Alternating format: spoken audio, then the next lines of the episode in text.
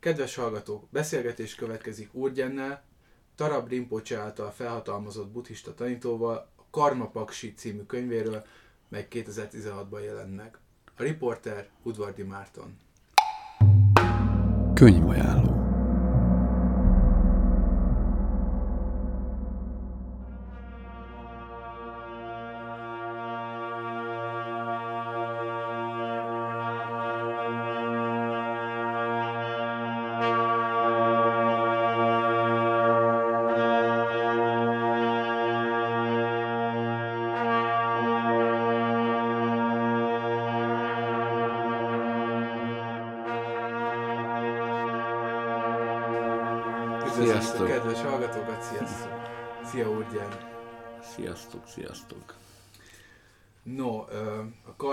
Ö, című könyvet tartjuk a kezünkben. Megértés mágikus kulcsa, ezt odaadom neked, hogy esetleg te olvasnál fel belőle. Ez a Samáti kiadóban jelent meg, mint a legtöbb, legutóbbi könyveid 2016-ban.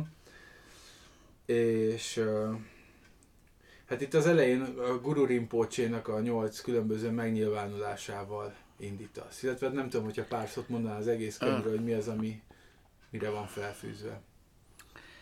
Ö, Karma Paksi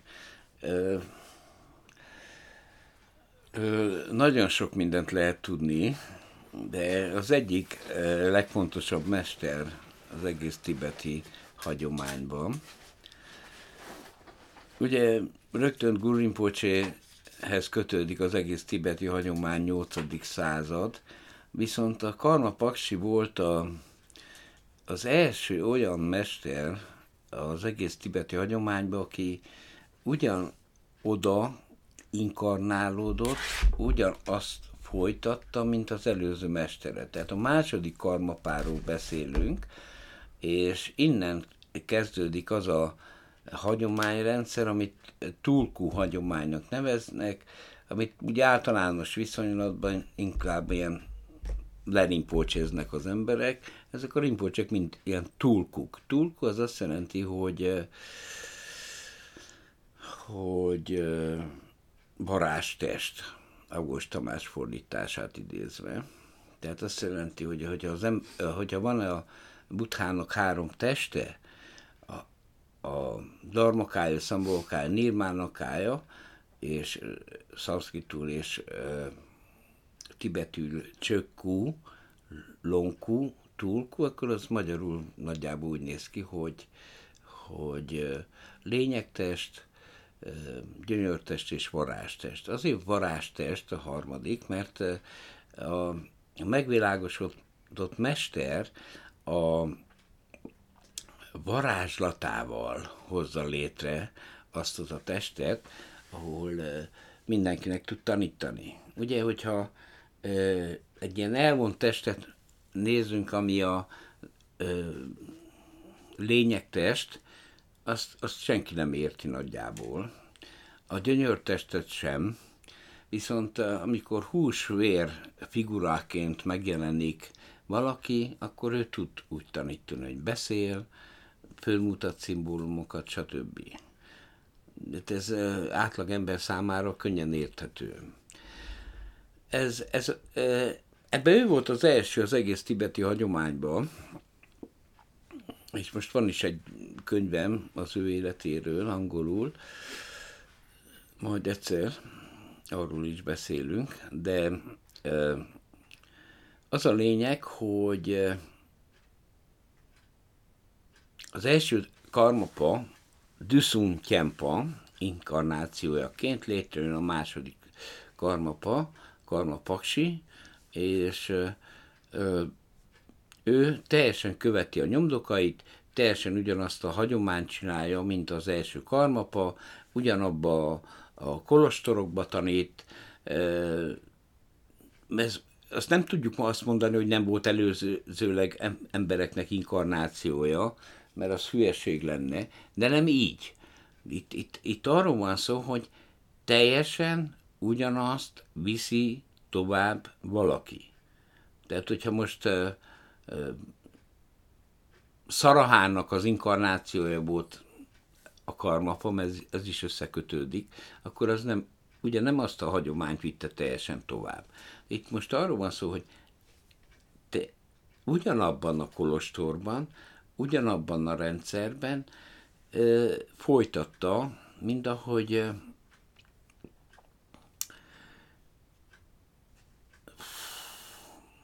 mint hogyha meg se halt volna. És ez, ez, ez a Tulku rendszer, ez a Rinpoche rendszer, ez egész Tibetben ö, hagyományá vált, és ő volt az első ebben, aki ezt létrehozta, nem a Dalai Láma, meg hasonlók, hanem ő. És ö, később, ugye ö, a tibetiek, tibetiek azért elég babonásak is, meg, meg másképp nézik a dolgokat, ahogy, ahogy egy átlag ö, nyugati ember. Tehát, hogyha egy gyereket megtaláltak három éves korába, hogy ez egy nagymesternek az inkarnációja, és az egy adott kolostorban nevelkedett, akkor azt mondták, hogy itt van egy butha, és ebbe a kolostorba érdemes felajánlásokat adni. Aztán pontosan ez a logika alapján, ezt most Tarap Rimpolcsétől idézem, mert ő magyarázta ezt így nekem, kialakul az egész Rinpoche meg Tulku rendszer egész Tibet szinten. Tehát, hogyha véletlenül egy kolostorban nem találták meg az előző inkarnációt, akkor kineveztek egy gyereket, hogy az az inkarnáció. Erről nem Kányor Rinpoche is ír, hogy azért ezeknek csak 30%-a az igazi, van neki egy ilyen könyve, hogy Sitro és Jánki, és abban azt, azt írja, nem is az a lényeg, hogy, hogy hány százaléka igazi, mert a karma, ő azt állítja, hogy a karmapák és a dalai lámak esetében mindegyiket eltalálták, de ha nem találtak meg, ugye itt, itt több száz uh, inkarnációról beszélünk, most Tibet szinten. Mikor ott voltam Rumtekben, ott, ott élt uh, körülbelül 200 rimpolcse, tehát egy, egy kolostoron belül, tehát itt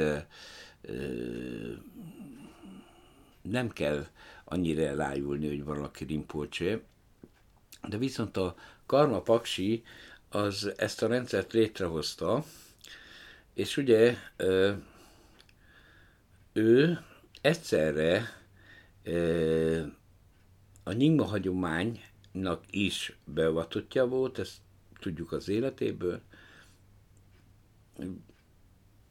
mondtam, itt van a könyv, a, a Karmon Paksi Mahaszida élete, ami elmondja rendszeresen, rendesen, hogy, a, hogy a nyingma hagyományból kik voltak az átadói, és a kagyű hagyományból kik voltak az átadói, és azt kettőt ötvözte.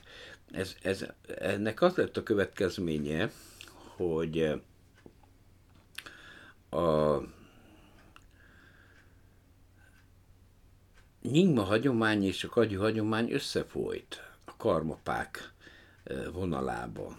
Ez karmapaksitól kezdődően a mostani karmapáig is így van. Tehát ez nem változott, de ezt ő hozta létre, és hát ha megnézed a könyv, könyvben lévő szimbólumot, akkor ezek nagyjából ö, nyigma szimbólumok, nagyjából, felébe nyigma, felébe kagyű szimbólumok, mondjuk úgy akkor. Például a Bernácsen mahok ami ugye annyira divatos Magyarországon, a karmakagyű hagyományban, például az Olinidál rendszerben mindig ez a fő védelmező. Ez egy nyingma védelmező volt. És a női társa, a Ranjung Gyermo szintén, és a Dolce Legpa szintén. Igen, de mivel speciális módon a,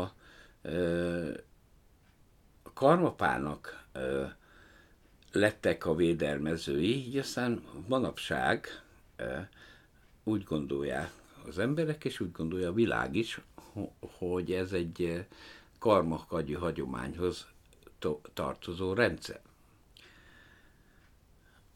Ugye ő egy, Gurinpocséhez hasonlóan egy nagy, nagyon nagy mágus is volt, de most a mágust ebbe, abban az értelemben, hogy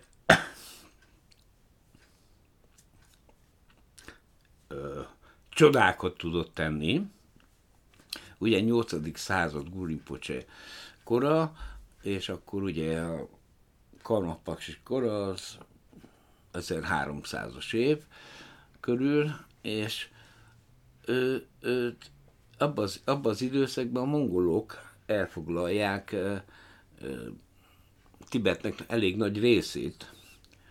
Érdekes módon a történelem úgy mondja, hogy most olyasmikről beszélek, ami nincs benne a könyvben különben, de, de ez hozzatartozik Karmapaksihoz, és e, e, őt ugye meghívják a mongol kánok érdekes módon abban az időben, mivel a mongolok elfoglalják Kínát, ezért mindig mongol kánokról van szó, miközben Kína területéről beszélünk, vagy Mongólia területéről, is mongol kánról van szó. Ezek meghívják, és akkor ő tanítja őket, aztán van, van akinek nem tetszik annyira, és akkor e, mindenféle dolgokat próbálnak vele tenni. Ugye ő volt az egyetlen karmap, akinek szakálla volt, és akkor felakasszák a szakállától, vagy beledobják a vízbe, és nem fullad meg, vagy ledobják a szikráról, és ez, hát van, van egy csodálatos történet is vele, hogy hívja a Bernácsen mahakállát segítségül, és kicsit későre érkezik, nem tudom, pár perc késéssel, ez egy nagy pofot lehúz neki, de az a, a karmakagyi hagyomány ma is úgy tartja, hogy a Bernácsen mahakállának itt van egy ilyen daganat az arcán, az azért van, mert Karmapaksi akkor oda csapott neki, hogy későre e, jött. Tehát egy ilyen csodálatos alakról, e, Mahaszidáról, ugye Mahaszida az, az a jogi, aki a nagy szidit elérte. Tehát ugye tudunk a 84 Mahaszidáról, de sok, akik a Szidi, az megvalósítás, a mahaszidi az a megvilágosodás. Na most a magába Tibetbe is volt ugye sok ilyen mahaszida, és hát a Karma Paksi volt az egyik, és a 1600-as években Mingyur Dorje, ez egy tertön volt, ezt őt általában nem Kárnó Rinpoche úgy hívta, hogy nem cső Mingyur Dorje. Nem cső az azt jelenti, hogy térből kapott tanítás. Ezek termátat jelentenek, amik, amiket ő látomásban látott. Tehát a, a mi karmapaksi összefüggésünkben őt úgy hívják, hogy mi, hogy Rigzin Mingyur Dolce. Rigzin az, az, az se kevesebb.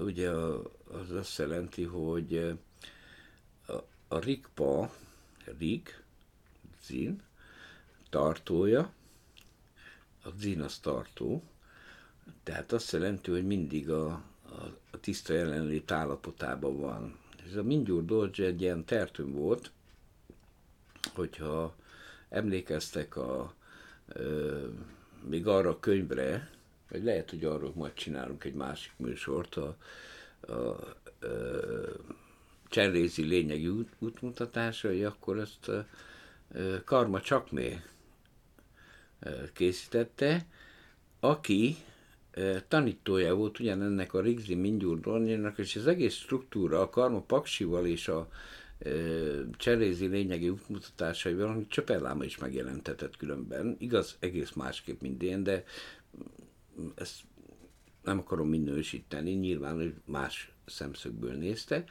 de, de ez megjelent hat évvel ezelőtt, Csopellámai is, vagy két éve már.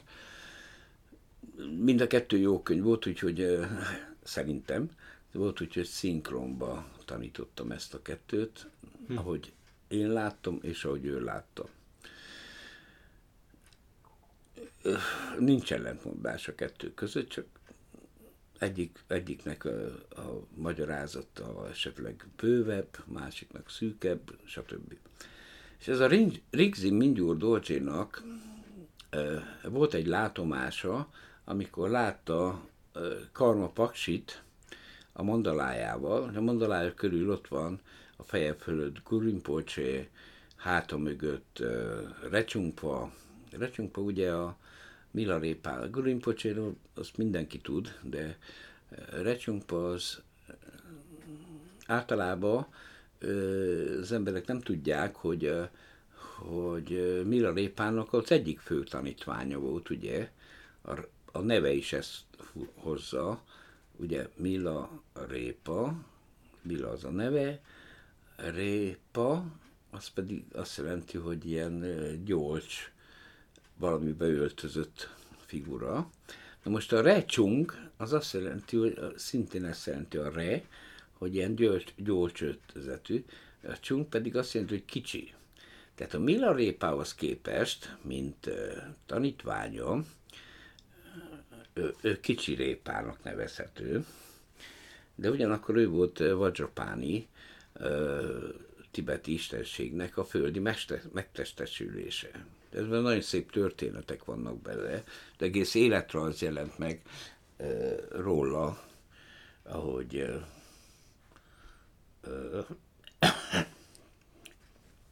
ahogy egy nagyon szép pasi volt, és nagyon szép feleséggel, és egyszer ment egy koldus, és a, a, egy gyémántot, vagy valami nagyon komoly drága követ kidobott neki az ablakon, és az asszony az azt mondta, hogy hát azért azt nem kellett volna kidobni, és pont a kezébe volt egy fakanál,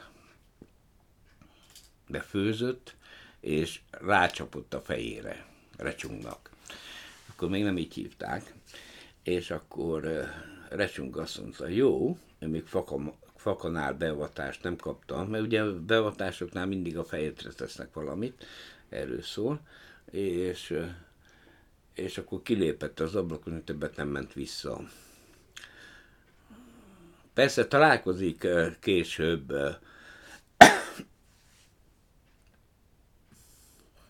Milarépában a barlangjában, és nincsen semmi Milarépának a, a Zolt, Zoltánán, csak az az egy drága kő. Volt a koldus. szóval egy ilyen figuráról beszélünk, persze neki hosszú, hosszú története van, ahogy elmegy, ugye,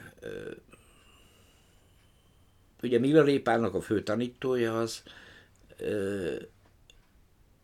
Marpa volt, aki sokat járt Indiába, csak akkor a fia volt a Darmadodi, aki három éves elvonulásban volt, mondta neki Marpa, hogy hát innen nem, nem jöhetsz ki semmi körülmények között, de de az emberek mentek oda, hogy hát apádnak mégis te vagy a képviselője a piacon, és akkor, akkor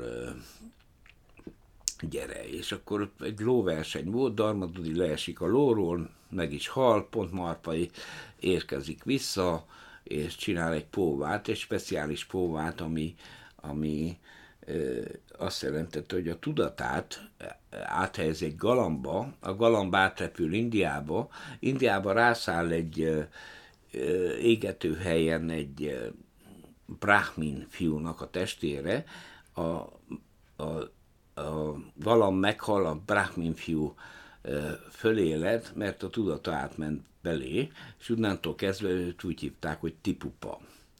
Na most ugyanez a recsungpa, Később, mivel Milarépa nem ment át Indiába, átmegy és Tipupától megtanul egy csomó dolgot, aki ott már Indiában egy Mahaszida, ugye, és áthozott többek között ilyen gyakorlatokat, mint a vörös cserrész egyesülésbe, Vajrayoginivel, és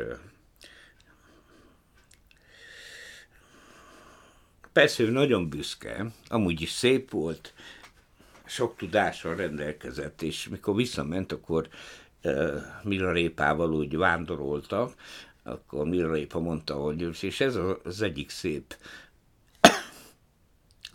jelenet, amit például a Kristály és a fő, fényútjában, nem kell könyvben is benne van, a kép is, és amit én is láttam élőbe, hogy ö, mondta Milarépa neki, hogy vegyen föl egy jakszarvat, és ö, ö, ugye a Rácsunk azt mondja, hát itt van a sok, sok könyvem, annyi tudásom, meg minden, hát milyen jakszalvat hordozzak, és akkor Milarépa felveszi, aztán ered az eső, és Milarépa beül a jakszarba, úgyhogy a jakszar nem lett e, nagyobb, és Milarépa nem lett kisebb. Ugye ez egy Dokcsen tanítás, vagy Mahamudra, mindegy mert ugye általában az emberek úgy gondolják, hogy a, a kisebb dologba nem férhet be a nagyobb. De ez egy dualista szemlélet. Ugye a Dokcsenben ezt úgy szokták szimbol, ö, szimbolikusan ábrázolni, hogy veszel egy tükröt, és a, a tízemeletes lakás felé fordítod, és látod, a tükörben benne van a tízemeletes lakás. Szimbolikusan így, működik. Tehát az, a, az csak a teljes dualista szemlélet, hogy a kicsi és a nagy az más ügy. Amikor, amikor ott voltam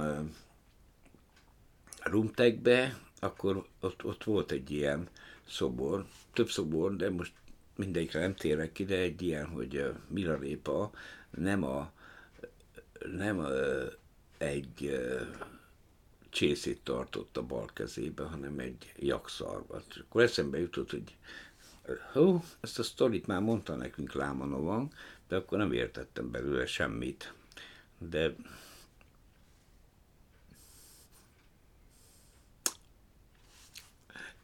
a tanítással mindig úgy van, hogy eh, nem érdemes megjegyezni a tanítást önmagában, mert elfelejted a szavakat.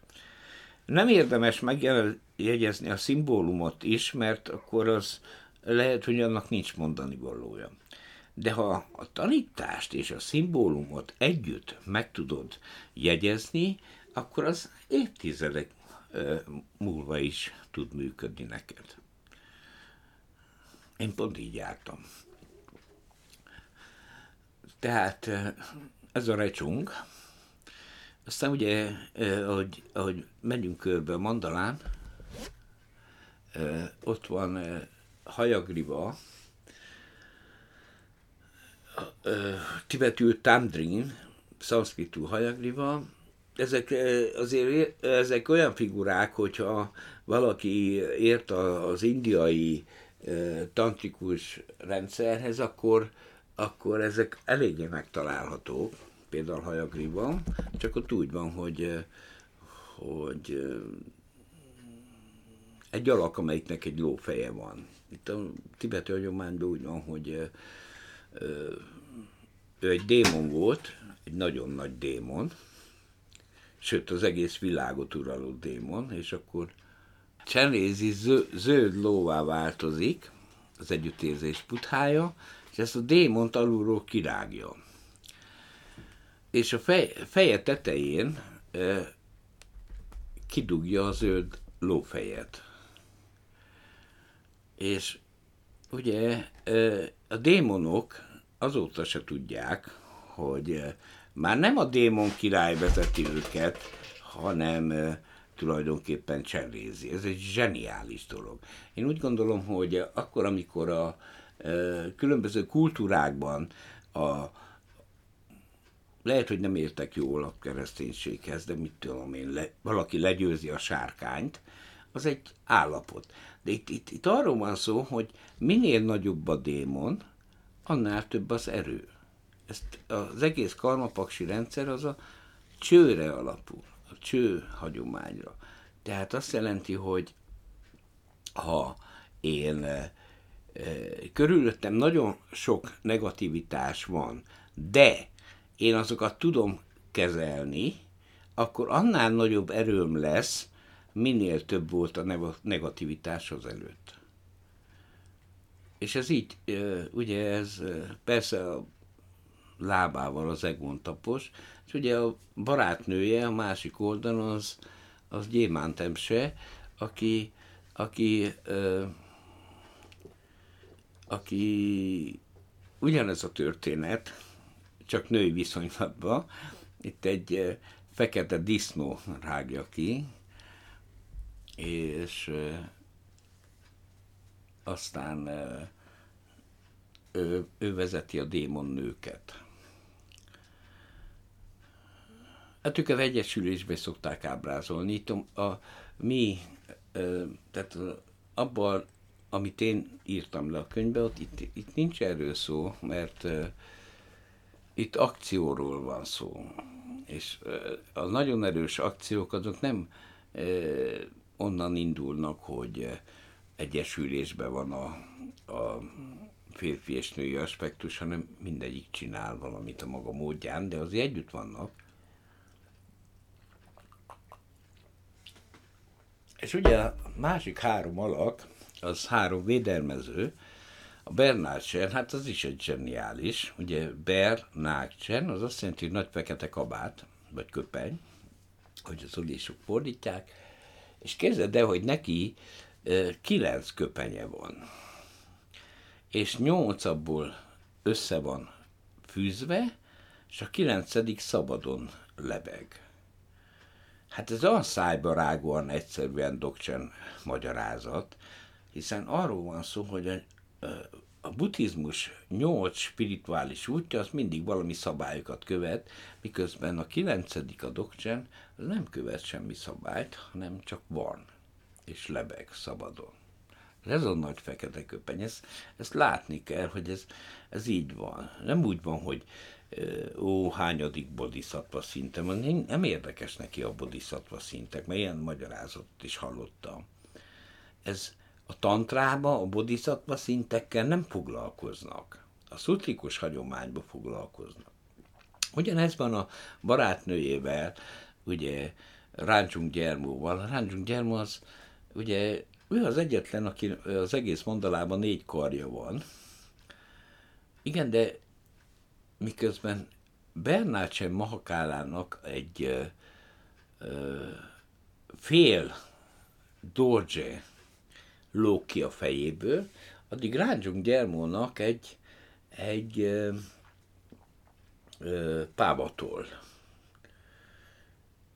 Tehát azt tudjuk, hogy a, a Dorje az a lerombolhatatlan tér például, miközben a pávatól az az energiát jelképezi, a látomásokat. És ugye neki egyedül van négy karja, ami a, nem, nem más, mint a Dokcsen tögálnak a négy látomása, és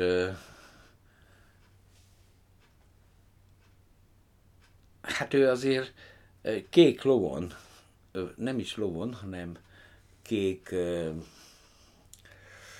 ö, hogy hívják, van, ö, ez a lónak és a szamárnak a... Összvér. Kék összvéren, bocs, köszi. Tehát kék összvéren nő. De miért ül kék összvéren egy, egy nő? Azért, mert az összvér nem szaporodik. Az összvérnek az egyik jellegzetessége, hogy van a, az úgynevezett lóösszvér, és van a szamárösszvér, attól függ, hogy ki az apa és anya. Az egyik nagyon kis mennyiségbe szaporozik, a másik majdnem egyáltalán nem. Igen, de Ráncsunk gyerm az azt jelenti, hogy önkéntelenül született királynő. És ha önkéntelenül született királynő, az azt jelenti, hogy nem a szaporodásból keletkeztem én, hanem, hanem létrejöttem önkéntelenül a tudathatártalan teréből. És ezt, ezt hozza a, a, a az alatta lévő állat is. Tehát a, a, a, amin lovagol valaki, az egy szimbólum azzal a, a lényel, aki lovagol rajta. Mindig. Nem csak ebben az esetben, mindig. Hát milyen érdekes, hogy a görögöknél össze is olvadt a kentaur. Igen, igen, igen. igen. Itt, itt a következőre megyünk, ugye, és e, ez a, ez a kettő, a Malkáló és a Ráncsunk gyermó, ezek úgynevezett bölcsességvédelmezők, ami az egyik a férfi, másik a nő. Az azt jelenti, hogy, hogy mit tudom, a Malkáló az Vajrapáninak, vagy Gurimpocsének, vagy Paksinak, vagy mindegy, valamelyik ilyen férfi aspektusnak a nagyon akció, azért a, a Ráncsunk gyerme az pedig például Vajravarhainak, Vajrajogininek, stb. Igen, de van egy harmadik védelmezőnk, amit a tibeti hagyomány úgy hív, hogy fogadalommal kötött védelmező. Ez, ez a Dorje Lekpa, és ő sötétvörös, és az a kecske, amin ül, az ilyen sárgás-vörös, tehát ott is timmel a szín nagyjából, de a kecskének a két szarva össze van fonódva, mint amit az előbb mondtál, az unikornisnak.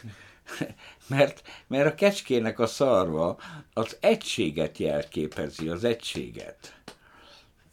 És azért van, nagyon érdekes módon, amikor Svédországban voltam, láttam egy ilyen sámán motivumot, és egy ilyen kecskén lovagolt egy sámán, ősi svéd dologról beszélünk, de mégis ilyen kecskéje volt neki, és ezen, ezen ül ugye egy Dolce Lekpa, aki ebben az esetben egy kovács, tehát jobb kezében egy hatalmas pöröly van, és balban pedig egy ö, ö, tüzet szító ilyen, minek hívják ezt? Mivel az tüzet? Fújtató. És ez, ez a fogadalommal kötött védelmező. Hát erre körülbelül az a, az a sztori, hogy ő nem megvilágosodott, sem férfi, sem nőként, hanem ő egy olyan erős szellemlény, amelyiket uh, Gurinpoche és Karmapaksi uh, saját hatalmuk alatt tartottak, és azt, azt, azt csinálják, azt csinálja, amit mondanak. Hogyha uh, olvastátok a Majom király történetét, például, ez egy szerintem jó könyv, abban abba van egy ilyen, a majom király, aki úgy gondolja, hogy az ő, az ő a pörőjel elfut, bár elmegy a világ végére, és aztán Buddha mondja neki, hogy jó, menjél, és akkor elmegy, és visszajön, és egyet pisál a világ végén, ezt a visszajön, és akkor Buddha megmutatja neki a, az új tövét, és pisiszagú volt, mert ő nem tudott kimenni a Buthának a mandalájából, hiába ment el a világ végéig. És ugye Butha azt csinálja vele, hogy rátesz egy ilyen pántot a fejére, amelyik, ha nem azt csinálja, ami az embereknek jó, mondjuk úgy, akkor, akkor szorítja. És ugye a majom király nem tud ilyen csinálni, hogy valami, valami problémát csináljon, bármennyire erős, ezért, mert szorítja a fejét a, a dolog. Na most e, e, a, fogadalommal kötött védelmezők az ilyenek, hogy ő nem tud csinálni semmilyen mást, mint azt, amit, eh, amivel a fogadalmát letette a buta felé. ugye a John Reynolds erre azt mondta, hogy összeültek a kocsmába, egy nagyot ittak, és rájött, hogy Skandelben nagyobb az ereje, Gurin Pocsének, és akkor Dolcselekből behódolt elő. De a logikát kell érteni, ezek mind energiák, mind egytől egyik, amit Michel elbesílte. Persze, kiadtam a Gurin Polcsét, ugye ő, ő van a Karma Paksi feje fölött, és mert ő az összesnek a lényege. Ő van a Karma Paksinak a szívébe is, és ő van a feje fölött is egyszerre. Van ilyen is. És ugye Karma Paksi, az, ő pedig nem más, mint uh, Dolce Drolő, hogyha a, mit tudom, az én uh, mostani Facebook képemet nézitek, akkor ott van az egység a kettőségben uh, könyv borítóján egy ilyen, hogy ugye múltkor tárgyaltuk azt a könyvet, ugye?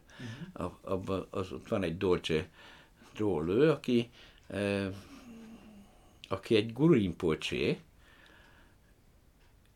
nagyon erős eh, variációba, és egyik kezében eh, badzsát tart, a jobba, a balban pedig gyémántőrt. Persze itt, itt a karmapa esetében azért, tehát ő George Drollő karmapaként, de itt van egy, egy nagyon erős szimbólumunk, a fekete koronája. Ugye a fekete korona az arról az a legenda, hogy évmilliókkal ezelőtt volt egy bodhisattva, aki nagyon szent volt, ezért 10 millió dákini egy-egy hajszálát összeadta, és ebből szőttek egy, egy ilyen koronát, amelyik mindig ott van a karmapák feje fölött, még akkor is, ha nem látod. Az, hogy valaki nem látja, az, az a saját tudatlanságának a, az oka pusztán.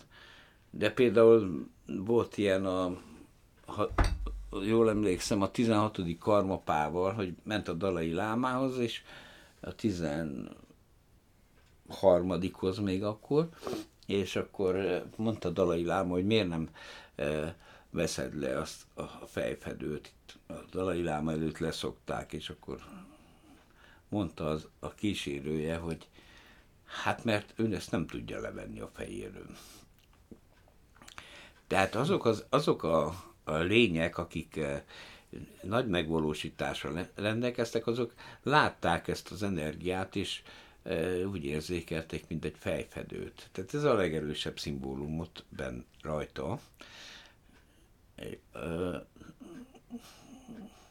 Még az sem, a 16. karmapa csodáiban még az sincs benne, benne, hogy ezt a dákinik egy áldásként adták neki, hanem pont fordítottja van, hogy a dákinik, a, a világegyetem összes dákinja hódolt neki, hogy ezt megtehetik, ezt a, a nagymester előtt. Persze eltelik, ugye, év, év ezredek, meg minden, aztán ugye megjelenik a, ugyanez a karmapa, a 16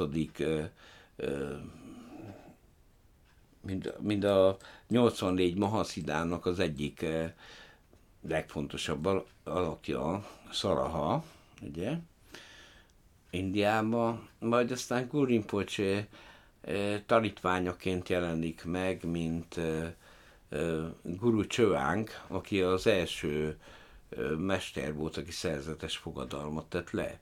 Tehát az emberek úgy gondolják, hogy egy-egy alak az csak egy, egy formában jelenhet meg, de ez nem így van ez, ez megint a dualista megközelítés. Tarablin Pocsé mondta nekem, hogy abban a pillanatban, amikor te bemész a nulla állapotba, vagyis az elemek föloldódnak, akkor te onnantól annyi ö, lényként jelensz meg, amennyiként akarsz. Ugye, és ugye a, hát a karmapákról azt, vagy, hát ilyen nagyon nagy mesterekről úgy gondolják, hogy ez ilyen ezrekről van szó. És még nem is emberek, hanem különböző világegyetemben, stb. Például láttam olyan képet, ugye a, a karmapáról is, hogy, hogy most 20 éve Tibetbe egy jakkot így föl ö,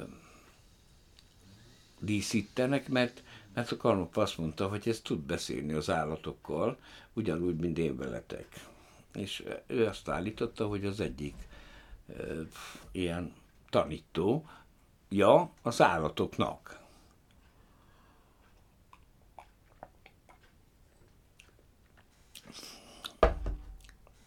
Ez, volt, ez az eleje a könyvnek,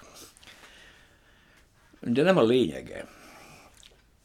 A, az egészet nyilván most elmagyarázhatnám, hogy melyik, kinek a kezében mi van, de ez hosszú lenne. De mit tudom, a karmapának a kezében lévő vadzsáról írok ebbe a könyvbe legalább 8-10 oldalt, de inkább azt akarom összehozni, hogy ez hogy vagy te? Mert idáig ez, ez ilyen nagyon misztikus és messze megfoghatatlan szimbólum. A, ahogy te vagy, az a, az te vagy maga karmapaksi, de szóljál, hogyha valamit akarsz, és a, neked a lényeged az Guru Rinpoche. Tantrikus gyakorlatban nem akarok belemenni nagyon, mert ugye neki van két kísérője is, aki két nő, tehát azt jelenti, hogy uh, a, miközben a férfi aspektus a lényeg, addig a két nő az energia, ami az egész világegyetemet ö, ellenőrzés alatt tartja. Hát abból a szempontból, hogy most kinézek az ablakon, akkor látok egy fát, akkor tudom, hogy ez a, ezeknek a nőknek az energiája, nem más. De beszélünk, ez a lényeg, ugye? Gulimpocsa a lényege. De beszélünk a tantrikus buddhizmusban testről, beszédről, tudat, tudatról, kvalitásról és aktivitásról. És a test, ugye a test az mi lehet ebben a mandalába? Hát recsumpa. Az test, amúgy is fehérnek szokták ábrázolni, az, a, az aki ö, ember volt ő is. Ha az összes többit nézed, akkor nem. Vagy többségét. Tehát a test, az egy szép test. Az a recsumpa. A beszéd, az a, a ö, hajagriva, de hajagriváról tudni kell, hogy ő, ő Amitába, Buthának és Csendrézinek a haragos aspektusa. Haragos ebben az esetben azt jelenti, hogy nagyon gyors. Tehát nem ér rá, hogy hónap csináljuk meg azt a dolgot, hanem azonnal. És ő amúgy is a torok központhoz szokott tartozni. Amitába is, Hajagriba is. Mint beszéd. Beszéd, tehát azt jelenti, hogy a, a karma paksi beszéde az hajagriva. Ez, ez, ez, erre a körre még visszatérek egyszer. Aztán a, a tudata az a gyémánt emse, Vajrayogininek a haragos aspektusa, ami azt jelenti, hogy, hogy mindig minden gondolatot képes elvágni, és minden érzelmet, és pusztán a rikpa, Mahamudra állapotába tartózkodni. És a három védelmező közül a Makála az a Darmakája védelmező, ő is átvág mindent, csak már nem úgy, mint a ö, Vajrayogini, hanem ő átvág mindent, amihez ragaszkodhatsz a külső világba. Láncsunk de Gyermó az egy szambolkája védelmező, aki ö, minden problémától megvéd például. Például a betegségek az, az nagyon az ő köre alatt tartoznak. Neki van egy másik aspektusa, ami a Dalai Lámáknak is a védelmezője, hogy van egy ilyen zsákja, és a zsákját, ha néha megnyitja, mert olyan kedve van, akkor kijönnek belőle a betegségek. Ha pedig nem nyitja meg, akkor, akkor, akkor nem jönnek ki. Tehát itt a mi gyakorlatunkban csak szerényen úgy írja, hogy a fogadalom szegők életerejét elveszed.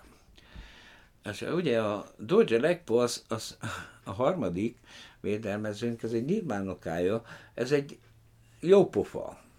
Ő, ő minden, minden finomságot meg, megpróbál adni neked. Lamkány Norbu Rinpoche-nek volt egy ilyen története, hogy Dolce Legpához imádkozott egy jogi, és akkor Dolce Legpá megjelent, és mondta, hogy ó, majd megadom neked ma. És akkor ment, és volt egy szerzetes kolostornál, és szerzetesek álltak sorba kajáért, és akkor ő, a, mint jogi, a, a végén ő is, és, és akkor kapott egy, egy adag kaját, milyen jó nagy darab hús volt. Persze megette a kaját, és már este a Dolce Legpának mondta, hát semmi extra nem történt, és azt mondta Dolce Legpá, hogy akkor megjelent, hogy hát te kaptál a nagyobb húst az egész izé, társaságból, és akkor ugye azt mondja, hogy ennyi volt, és akkor azt mondja Dolce Legpá, hát csak ennyi, mert de körülbelül ennyi odaadással voltál felém, és ennyi, ennyire volt hited a rendszerben. Tehát ugye, de ugyan, ugyanakkor például van nekem egy, egy ilyen könyvem, amelyikben ilyen e, csodálatos e, tibeti e, játék van, és ezt nem Kai Norbert Rinpoche is tanította. Nem tudtam soha megtanulni, mert kicsit bonyolult nekem, de olyan olyan römi-szerű, tudod, ilyen elemek állnak össze, és akkor vannak sorozatok, meg ilyen. És ezt állítólag a masszángok tanították. Masszáng az, az a ö, ö, nép volt, amelyik Tibetet ö, lakta ö, még a tibetiek előtt, de ugye ezek ilyen félisten kategóriák voltak, mind a görög mitológiában. És a maszángok sok mindenre megtanították a tibetieket, például a kockajátékra, meg ilyenek. Tehát ez egy jótékony, én is eh, voltam úgy egyszer a, a, a egy kaszinóba, hogy egy srácot vittünk oda, aki nem tanítvány volt, és ő akart. Pont ezért, mert az idő, időben divat volt ez a játszani, és akkor elmentünk a Kubát Erzsivel, vele, mint ő volt a az akkori közösség vezetője, talán most is az, és, és beültünk a kaszinóba, és gondolkoztam, hogy hát most ez itt forog ez a vacak, és mi ülünk mellette órákig, hát ez, és akkor mondtam, hogy jó, én mondom a Dolce Legpa mantrát, te pedig tellegessél oda az izékre, a forgókerékre, vala, valahova. Nyertünk tízezer forintot, de úgyhogy egyikünk sem értett semmihez. Dolce Legpa az ilyen. Tehát ez a testbeszéd és tudat, meg a kvalitás, meg az aktivitás is. Igen, de térjünk vissza, ez hogy, hogy, hogy néz ki dokcsenesen? Dokcsenesen úgy néz ki, hogy a test olyan, mint a ö, hegy. Gondolj arra a lecsumpára, még teljesen fehér, mint egy hóhegy. Most szimbólum. És általában a hegy, hegyre azt mondják az emberek, hogy ó, mozdulatlan, ez milyen jó a meditációval, mozdulatlan, mint egy hegy, ez rendben van. Csak ez nem a dokcsern. És a karmapaksi nem a e, kezdete a, a dolognak, hanem a vége. A dokcsern végén a hegy azt jelenti, hogy a tested, a tested, mint hegy, bármilyen pozícióban lehet, az jó úgy, ahogy van. Azt hívják úgy, hogy csokság. Jó, ahogy van. Tehát azt jelenti, hogyha én most itt ülök, és fogok egy poharat a kezembe, akkor uh, a, ahogy ülök és fogom ezt a pózot, nem kell meditációs pózba vágnom magam, és ha történetesen az utcán sétálok, akkor sem kell hirtelen leülnöm a járda szegére, hanem a test, ahogy jó, ahogy van, az azt jelenti, hogy jó, ahogy van. Itt a hegy azt jelenti, hogy van homokhegy, jegeshegy, mindenféle hegy, lehet ezt már mondtam, ilyen műsorban, de az a lényeg, hogy egyik egy sem hasonlít a másikhoz. Tehát minden egyes pozíció jó, ahogy van. Ezt jelképezi Recsunkba, a mi összefüggésünkbe. Ez a könyvnek a vége. De most a beszéd, ugye, azt mondtam, hogy az hajagriva. A beszéd az mit jelent? A beszéd az azt jelenti, hogy ugye a dokcsembe azt mondják sokszor, hogy a beszéd olyan, mint a vagy a szem, olyan, mint az óceán, a látás olyan, mint az óceán, vagyis e, azt jelenti, hogy e, ha az óceánnak a mélyére érsz, akkor itt egy olyan nyugalmi állapotot találsz, ami, ami meghaladja azt, ami, mikor a felszínen ott a hullámok közt lavírozol. De tudod, hogy a, a hullámnak a vize és a lent lévő víz az nem két külön dolog. Uh-huh. Ez egy általános buddhista szemlélet megint. Itt a hegynél is és a, ennél is a dokcsán másképp gondolkozik, mert a dokcsán be a szem, a, a, vagyis a, az óceán, az óceán, volt a példa, az magát a szemet jelenti. Hogy a szemet úgy is hívják, hogy vízgömb. És uh, itt azt jelenti, hogy az az információ, ami bejön az öt érzékszerven keresztül, és azért van a szem kihangsúlyozva, mert a látás a legerősebb érzékszervünk, mert ha nem látsz, akkor az, ha nem hallasz, akkor, akkor még el vagy, vagy ha nem szagolsz, de ha nem látsz, akkor elég gyengén vagy el, úgy az életbe. Tehát, de valójában mind az öt érzékszerve vonatkozik, és az, ami bejön az érzékszerű tapasztaláson keresztül, az jó, ahogy van. És ezt, ezt a beszéd ezt jelenti, most itt a dokcsán összefüggésben. A tudat, a tudat az ugye maga a rikpa, amit Pamó jelképez, a gyémán temse, azt jelenti, hogy minden, ami megjelenik, azt abban a pillanatban föl is oszlik. Tehát olyan, mint a, a koldus, az, a, vagy nem, a torvaj az üres, üres házba, igaz? Nem tudsz ellopni semmit, mert, mert mind, ahogy el akarsz, nincs mit. Tehát, hogyha abban a tudatállapotban vagy, akkor a, ami megjelenik, az el, eloszlik. Ha nem oszlik el véletlenül, az azért van, mert ragaszkodsz ahhoz a tudatállapothoz, akár negatívan, akár pozitívan. Lehet mind a két módon ragaszkodni. Ahhoz is ragaszkodhatok, hogy már ez a rohadt állapot tűnjön el, és ahhoz is ragaszkodhatok, hogy ez a szép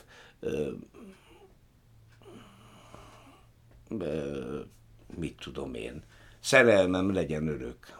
Tehát ez mind a kettő ragaszkodás, csak egyik ellenkező előjele. Tehát mind a kettőt elvágja. Most a, ugye ez a rikpa. Na most, hogyha tovább menjünk a Mahakálához, akkor ö, ö, ő is elvág mindent. Ugyanaz van a kezébe, mint a gyémántemsének. Kés, és koponyacsésze. Csak ő nem a belsőt vágja el, hanem későt, ami azt jelenti, hogy minden, ami kívül megjelenik, az e, csak pozitív lehet számomra, abban az esetben, hogyha ez az előző e, folyamat részeként minden, ami belül van, azt el tudok vágni, akkor minden, ami kívül van, az csak pozitívként jelenhet meg. Ezt úgy hívta nem kell Nobel, ha belül minden rikpa, akkor kis, kívül minden szamantabadra. Ugye a rikpa a tiszta jelenlét állapota, ha belül minden tiszta jelenlét állapota, akkor kívül minden, minden jó. Szamantabadra ezt jelenti. És ha minden jó, akkor ennek a folyamataként ugye a két másik védelmező azt magyarázza el, hogy akkor ö,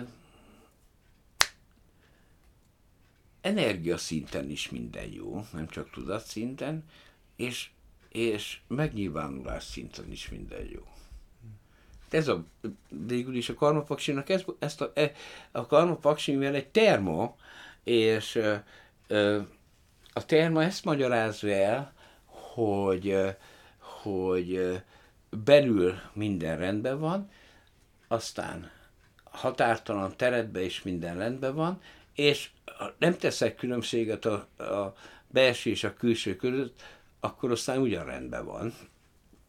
Tehát csak erre írtak egy, egy formális, tantrikus gyakorlatot, és már úgy tűnik, mint hogy a karma paksi az egy ilyen elvont tantrikus gyakorlat lenne, holott ez egy dokcsen magyarázat. Hmm. Amikor én először ezt meg akartam írni, akkor nagyon sok álmom, ha valaki 10-20 évig csinál egy gyakorlatot, akkor e, kezdnek álmai lenni róla, és olyan álmok összefüggései jöttek össze, hogy, hogy utána néztem, és mondtam, hogy hoppá, ez nem is lehet másképp. És akkor megkértem a Tamást, a Szamadi kiadót, hogy ezt adjuk ki. Ezért lett ez az, első könyv a sorozatban. De akkor megtiszteltetésnek érezte, hogy ezt kiadjuk. De minden tantrikus gyakorlattal így van, hogyha a lényegét megérted, de a karma paksibe ez nagyon kiban bontva. Írsz három attribútumról, a koponya csészéről, a katvangáról és a gyémánt jogáról, mi szimbólumokról. Hát sokról írok, amely írok a koponyás csészéről, a gyémánt jogáról, a csengőről, a purbáról, igazából mindenkinek, ami kezében van, mindegyiket leírom. Uh-huh. Hát ezek mindig a, az adott lénynek, de ezt hangsúlyozni kell, hogy ez fontosabb, hogy ez te vagy, nem egy kis figura, hanem te vagy. Tehát, hogyha úgy jársz, kelsz az úton, hogy te vagy karma paks, akkor látod a, a fákba és a WC-be és a legszebb és legcsúnyább dologba is, hogy ott van karmapaksi. De ezek a ugye a, hogyha a paksiról, mint a fő figuráról nézzünk, akkor ugye van a gyémántjugar a kezében, a, ami egyszerre a tudat határtalan terének a ö, szimbóluma, és ugyanakkor a szamszára és nirvána egységének is a jelképe. Ö, ugyanakkor ez egy nagyon jó akció jelkép, mert például Dolce Droll ezzel a gyémántjogarra tartja hatalma alatt a istenek és démonok nyolc világát. Aztán ugye a bal kezében van a, a tör. Hát a tör az, az arról írtam a legtöbbet, az, az eleve az együttérzésnek a jelképe, de az együttérzés a tör szerint, vagyis a ez elég általános buddhista szimbólum, vagy gondolat. Az egyik az, hogy az együttérzés úgy tud létrejönni jól, hogyha a tudat határtalan terével azonosulsz. A másik az, hogy, hogy létrejön benned egy bölcsesség, egy meglátás, hogy hogyan vannak a dolgok. A harmadik az, hogy ez a bölcsesség, meglátás és a női aspektus az egyben van, és ezáltal létrejön egy gyönyörérzet, és hogyha ez a három egyben van, akkor a, a tőrrel bármit tudsz csinálni. Tehát, ha, mit tudom én, Diego Kencer Impocse ilyen szertartásait nézitek, akkor a tör, tör elő beledöbb valamiben, és az, az Általában, amiben beledöfnek, az a, az egoista jelképnek egy emberformájú figurája, ami meg van készítve campából. Tehát ez a négy, négy aktivitása a törnek. Persze a, a csengő az ugyanolyan fontos szimbólumunk, mint a, mint a vajra, csak itt a, ugye a felső fele ugyanaz, mint a vajra. Nem is magyarázom, az alsó fele az pedig a szamszárának a jelképe, amikor vannak ezek a e, csingilingik, ezek, ezek a nyolc temető e, ékei a e, csontokból, amik, amik, amik a, az istenségeknek a díszei, amit magukkal hordanak. És ugye neki a legfontosabb jelképe a hang. Tehát a, a hang, mint a hang visszhangjában, miközben a dolce, az a lényeg, ebből a lényegből a hang az, ami e, mindent e, képes létrehozni. Hm? Aztán melyik volt még? Hát sok van. Tehát a katanga például az több, többnél van, ugye Gurinpocsénél is van. Katanga az egy pálca, és mindig mindig, egy, mindig a, az adott lénynek a, az ellenkező nemű aspektusát jelképezi, aki egyesülésben van vele. De ugyanakkor az ő szempontjából ez az ellenkező nemű egyesülésben lévő lény egy akció is, ugye? Tehát cselekvés mindenképp. A koponyacsésze az ugye a, a hát az úgy készül, hogy a feje tetejéről le, levágják ezt a e, koponya részt, és akkor ebből lesz egy csésze. Ez nem olyan, nincs olyan messze a történettől, Gondolj bele, hogy még, mit tudom, ezer évvel ezelőtt Simán a győztes had, hadvezér ivott a levágott, ö, legyőzött illető koponyacsészéből, konkrétan. Ez az izé, a, a, a, az indiai hagyományban mai napig megvan nagyon erősen. Például, Agori, nem? Agori. Igen, nem. tehát megvan, ez abszolút. A tibeti hagyományban nem látom, hogy annyira ezt, de itt az, az én oltáramon is van két ilyen kicsi edény, amelyik, amelyik egyik fehér alkohol, másik vörös alkohol.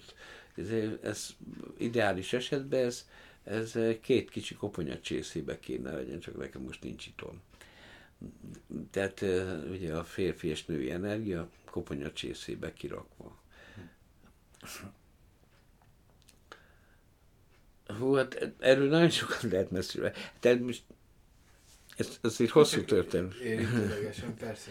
Csak hogy ez is egy része a könyvnek. Igen. Ja, most a, a, hogy hívják a, ugye az a bárd, amit akár a Vajrayogini, akár a Mahakála tart, az, az, az egy tipikus, de ezt sokszor úgy fordítottam én is, hogy, hogy görbekés, de valójában ez egy olyan bárd, amelyiknek a nyele fölül van, és így fölülről fölülről ütnek vele, nem úgy, mint egy fejszével, ahogy nálunk divatos, hanem, hanem ö, a súlya az ott van fölül, és a kezeddel úgy. Tehát ez egy, ez megint egy szimbólum, ami, ami azt jelenti, hogy minden negativitást átvágni. Ez általában, hogyha ez nőknek a kezében van, akkor ennek a végén van egy ilyen pici kampós rész is, kicsit be van hajlítva, mert, mert a nő az úgy vágja el a nyakadat, hogy, hogy először bevonz, és aztán utána, tehát így, de a, a, a férfiaknál nem. És ebből pontosan a paksinál nagyon érdekes, mert játszanak pontosan ezzel a szimbólummal, hogy pont a nőnél nincs, és a pasinál van, mármint Mahakálánál, mint hogyha azt próbálná e, sugalni, hogy e, semmilyen módon ne tegyünk ilyen megkülönböztetést a két dolog között. Mm. Tehát például, hogyha egy másik részben nézem a Mahakálát és Ráncsung Gyelmót, ahogy, ahogy egy, egyesülésbe lovagolnak a, a, a min? Ott a, a, az összvéren, mm-hmm. látod ott a kép, mm-hmm. akkor ha jól megfigyeled, akkor a nő van szembe, és a férfi van háttal. Most erre egyetlen példát sem tudok még a tibeti hagyományból, és nem is tudom mással magyarázni, csak azzal, hogy eleve a nőnek több karja van. Általában a pasinak szokott több karja lenni, és öleli a nőt.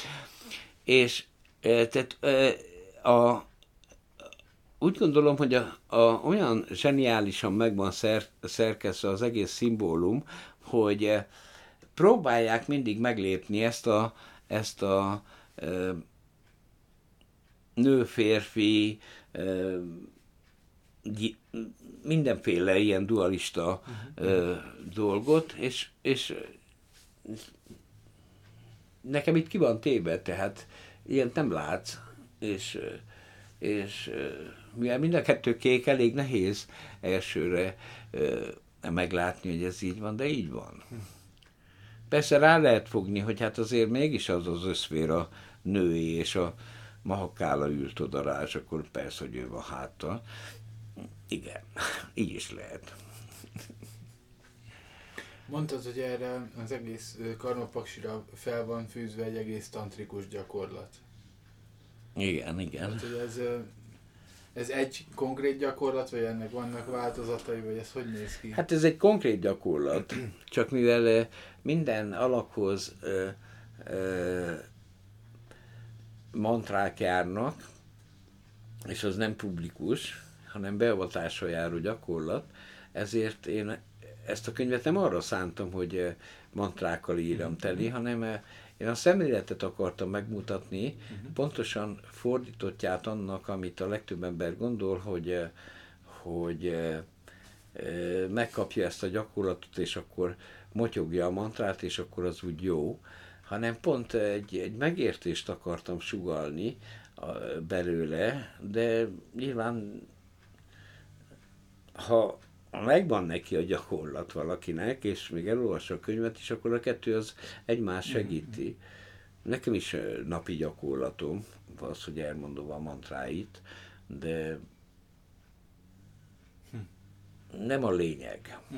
Én amikor 97-ben először találkoztam a Kizlómennel, és, és ott laktunk a Jakab Katival a Kruszlesi úton, után, akkor, akkor bejött, tudod, és akkor így mondta, hogy uh,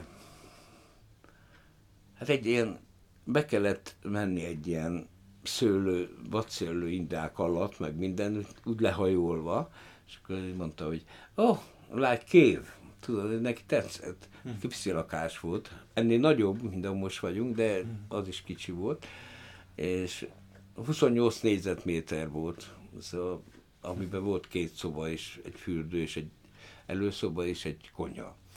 És, és akkor e, mutattam ezt a gyakorlatot neki, ami ugye, hogyha leírod, ahogy leírtam én, én a saját változatomat használom, már évtizedek óta, még Csöpelával is ezt használtuk, amikor ilyen karmapaksit csináltunk régen együtt a taron. Mert én csak a magyar változatot szeretem használni, mert minek motyogjak tibetül, de e, így, így rám a kész, és azt mondta, this is very long. Tudod, mert most 30-40 oldal napi gyakorlatként az hosszú. Persze ennek meg lehet csinálni ö, olyan változatait, hogy, hogy ö, meg tudod csinálni 10 perc, negyed óra alatt is. Negyed óra kell azért, de ö, nem a lényege. A, a, az összes, az összes ö, ö, tantrikus gyakorlatnak, az összesnek, és nem csak ez, a lényege mindig az úgynevezett beteljesítő fázis és a malmuta vagy dokcsan állapotába időzés. Mm. Mindig, kivétel nélkül. Most, hogyha ezek a szimbólumok, amik, amik ebben vannak, erre rá tudnak segíteni, hogy ne érezd olyan rosszul magad a bőrödbe, és, és könnyebb legyen a történet, akkor rendben van. De ha nem, nem kell. Hát, Pocse azt mondta, hogy ez csak azért szokták ilyen istenség jogákat néha bele rakni a kettő, a, Ma, a Mahamudra és Dokcsen állapot közé, mert, mert egy átlag ember fél attól, hogy, hogy elengedjen mindent. Mm, ezek ilyen támaszok, nem? És ezek támaszok, és hogyha ezek támaszok jól segítenek egy ideig, akkor egyre kevésbé fél az illető, és egyre jobban el tudja engedni. De például, például ez, ez, ezt másnál nem láttam, de a nagy csogyám Trump az, az, az, az tanított trekcsőt és tögárt, és ugye a trekcső az az eredendő állapotban való tartózkodás jelenti, és utána általában jön a tögár, de a kettő között tanította a Vajrayogini gyakorlatot. És a Vajrayogini gyakorlat számára, a Trumpa számára, persze ezt meg lehet kritizálni, mert ő egyedi volt ebbe, mint sok mindenbe, Nál azt jelentette, hogy ha Vajrayogini, ott a hátad mögött ott van a Vajrayogini, látod. a, a, a, a, a Vajrayoginivel azonosulsz, és mivel a tögál az semmi egyébről nem szól, hanem arról, hogy minden hogyan fényszerű és, és az energia játéka, akkor onnan könnyű ezt, ezt a, összekötni ezt a kettőt. Trumpának ez volt az erben.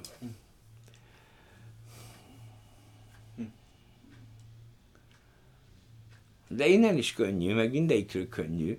De például a, e, szeretem azt a gyakorlatot, a, e, főleg, hogy mostanában kalacsokrát fordítok, e, van egy ilyen e, gyakorlat, hogy e, Namkai Norbu, amikor itt volt Grázba utoljára Dalai Láma, akkor azon az éjszaka volt egy álma, és, és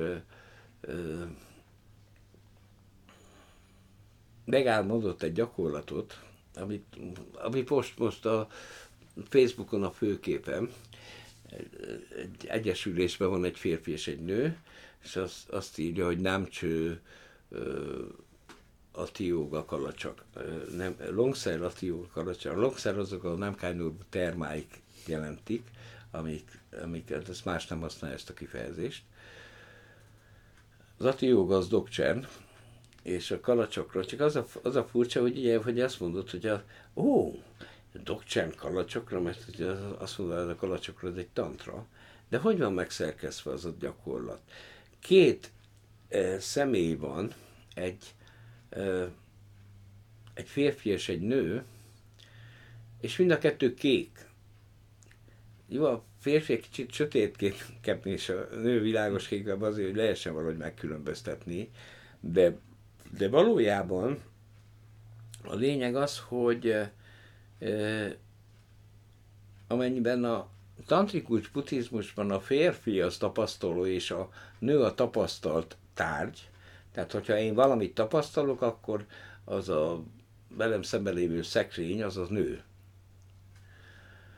És hogyha az vonzó, és minden vonzó, és ugye erről szól a, Ja, majd a következő lesz az izé, a fénylátomások, a, a hosszan erről szól, akkor, akkor bejön az, a, az az aspektus, hogy van a karmamudra, mudra és mohamudra. A karmamudra az azt jelenti, hogy egyesülésben vagy egy nővel. De most test a testhez. A Jhana Mudra azt jelenti, hogy elképzeled ezt a figurát egyesülésbe, mind amit az én az előbb elmeséltem, de ez mind egyedül te vagy. De mint mudra. És a Mahamudra az azt jelenti, hogy oké, okay, nem képzelsz el semmit, hanem tudod, hogy a te és az, össz, az egész világ, amit tapasztalsz, az egyesülésbe a férfi és a nő. Ez a Mahamudra. Nyilván a első kettőhöz képest ez e, egy haladottabb szint, ugye az elsőnél ragaszkodáson létre a partnered iránt, a másodiknál a tudatoddal csinálsz valamit, de a harmadik harmadik az, az, amikor ránevelődsz arra, hogy nem kell vizualizálni, stb., hanem minden, ahogy jársz, kezd, az gyönyör. Na most a, a, a nem kánynorvú dokcsern gyakorlatban ezt látom, hogy mivel a kettő nincs, nem is, még színbe se különbözik egymástól, nincsen sok karjuk, se semmi, tehát próbál játszani azzal a jelenséggel, hogy a kis és belső egy, mm-hmm. és ezt, ezt felejtsd is el. De ez benne van a, a Paksiba is, meg benne van a Bajra Jogi is, meg sok mindenben bele van, benne van, tehát igazából az összes tantrában benne van, csak ö, ö, meg kell ezt látni. És általában, általában az történik, a, az emberekkel, hogy leragadnak a gyakorlatnak az a, a, a, annál a fázisánál, hogy mantrát potyognak, és aztán valami történik. Mm-hmm. De valami történik nem jó.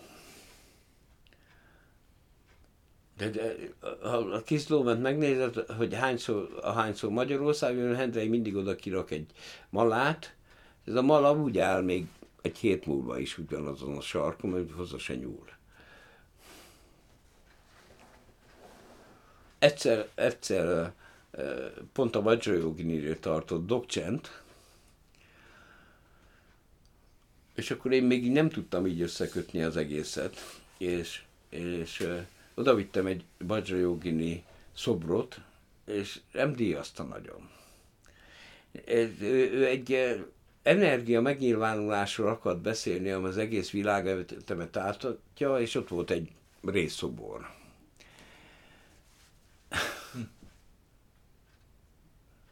Szimbólumként jó, de ez nem egy részszobor.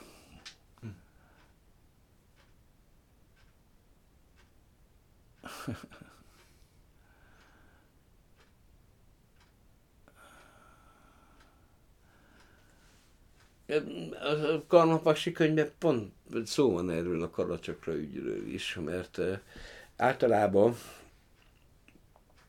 a, az emberek úgy gondolják, hogy a, amit én elmondtam, a négy csokság, stb., ezek csak a dokcsembe vannak meg, de igazából a kalacsakrába is megvannak, csak az sokkal finomabb. Ott tényleg a kalacsakra megvan személyisítve egy nőként, és, és ilyen, ilyen, ilyen ízes az egész, tudod, ahogy a, ahogy a Dákini megjelenik a térben, mint a falevél súgása például, vagy ilyen.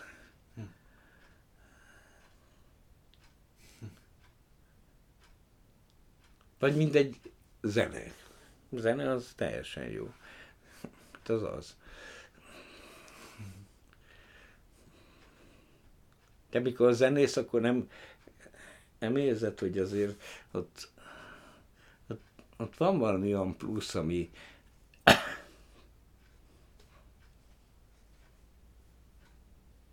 ami az Ákini.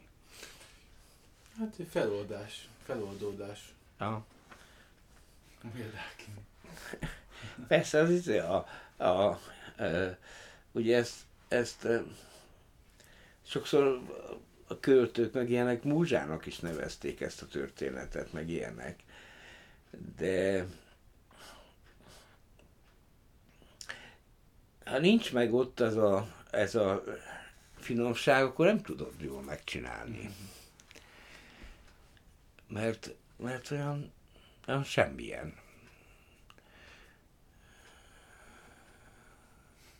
Nem tudsz semmit sem jó megcsinálni. Nem tudsz jó fordítani egy könyvet.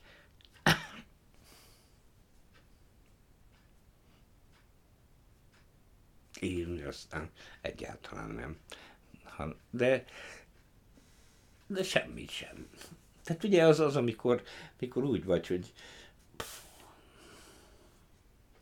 tenklegsz a világba, és, és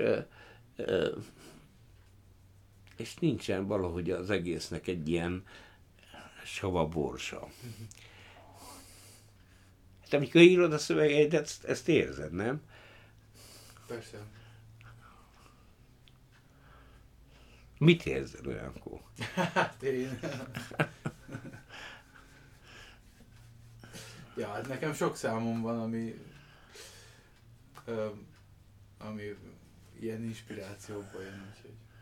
De hát ez most mindegy. Hát persze, hát sok van ilyen. Hát ott van az államjogok könyvben a Michael Katz leírja, hogy uh,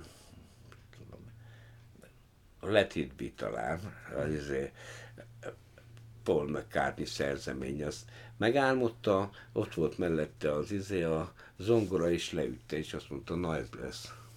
Kész. Ja. Tehát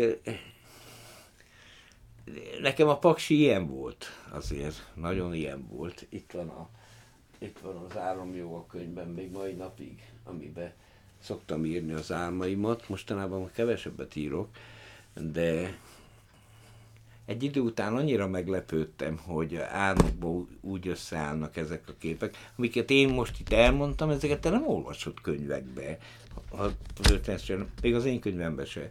De, de angol könyvekben biztosan nem. Ja, hát itt a végén van egy ilyen, hogy e, például ugye a, a, a, amikor beszélünk a tibeti halottaskönyvről, vagy ahogy a, a Tamás mondja, a halál utáni megszabadulás nagykönyvéről, hallás általi megszabadulás nagy, igen. A, a, mert ugye az a tibeti halottas könyv az egy hülyeség, mert az egyiptomi halottas könyv után nevezték így, hogy tibeti halottas könyv. A, Hát volt ennek olyan cím, hogy tibeti könyv életről és halálról. Igen, Azt igen, de hát az már Szugyárnak, az, ja. igen. Szóval, itt, hogyha megnézed, akkor általában mik vannak ott, eh, ahogy a, a békés és haragos istenségek följönnek a eh, tudatba. Ugye e, eléri az ember a nulla pontot, és akkor onnan először a finomabbak jönnek föl, aztán a durvábbak. De ez ugyanolyan, mint bármilyen tudatállapot, hogy először, először ideges leszel valakire, és aztán, hogyha hagyod, hogy ez folytatódjon, akkor egyre nagyobb pipa leszel, és a végén már nagyon mérges. Hát ez, ez ilyen a mandala, tehát ez, ez is erről szól. Tehát, hogyha megnézed, hogy itt kezdődik egy békés istenséggel, és aztán haragosabb, és a nagy, nagyon haragosabb, ez, ez egy tibeti hal, halottaskönyvnek a mandalája tulajdonképpen. Ezért ezért használható erre is. Többek között benne is van a szövegben, ugye a, a, a szövegben, hogy én, amikor ö, oda jutok, stb. Vagy amikor csak hónom alá, alá dugott üres kezeim vannak csupán. Szép, nem? Mm-hmm.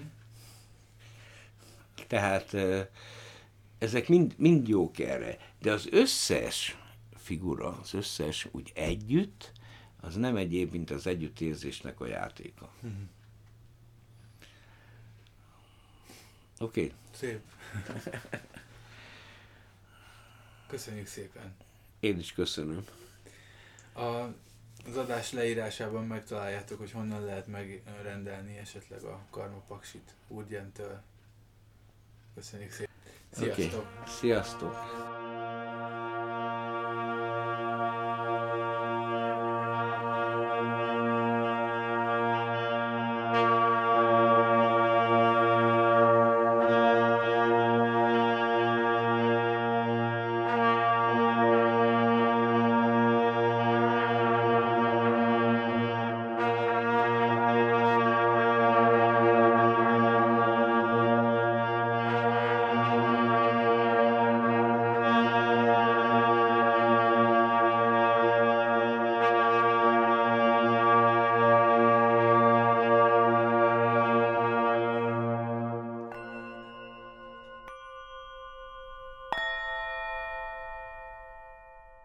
Kedves hallgatók, beszélgetés hallhattatok Úrgyennel, Karmapaksi című könyvéről, a riporter Udvardi Márton volt.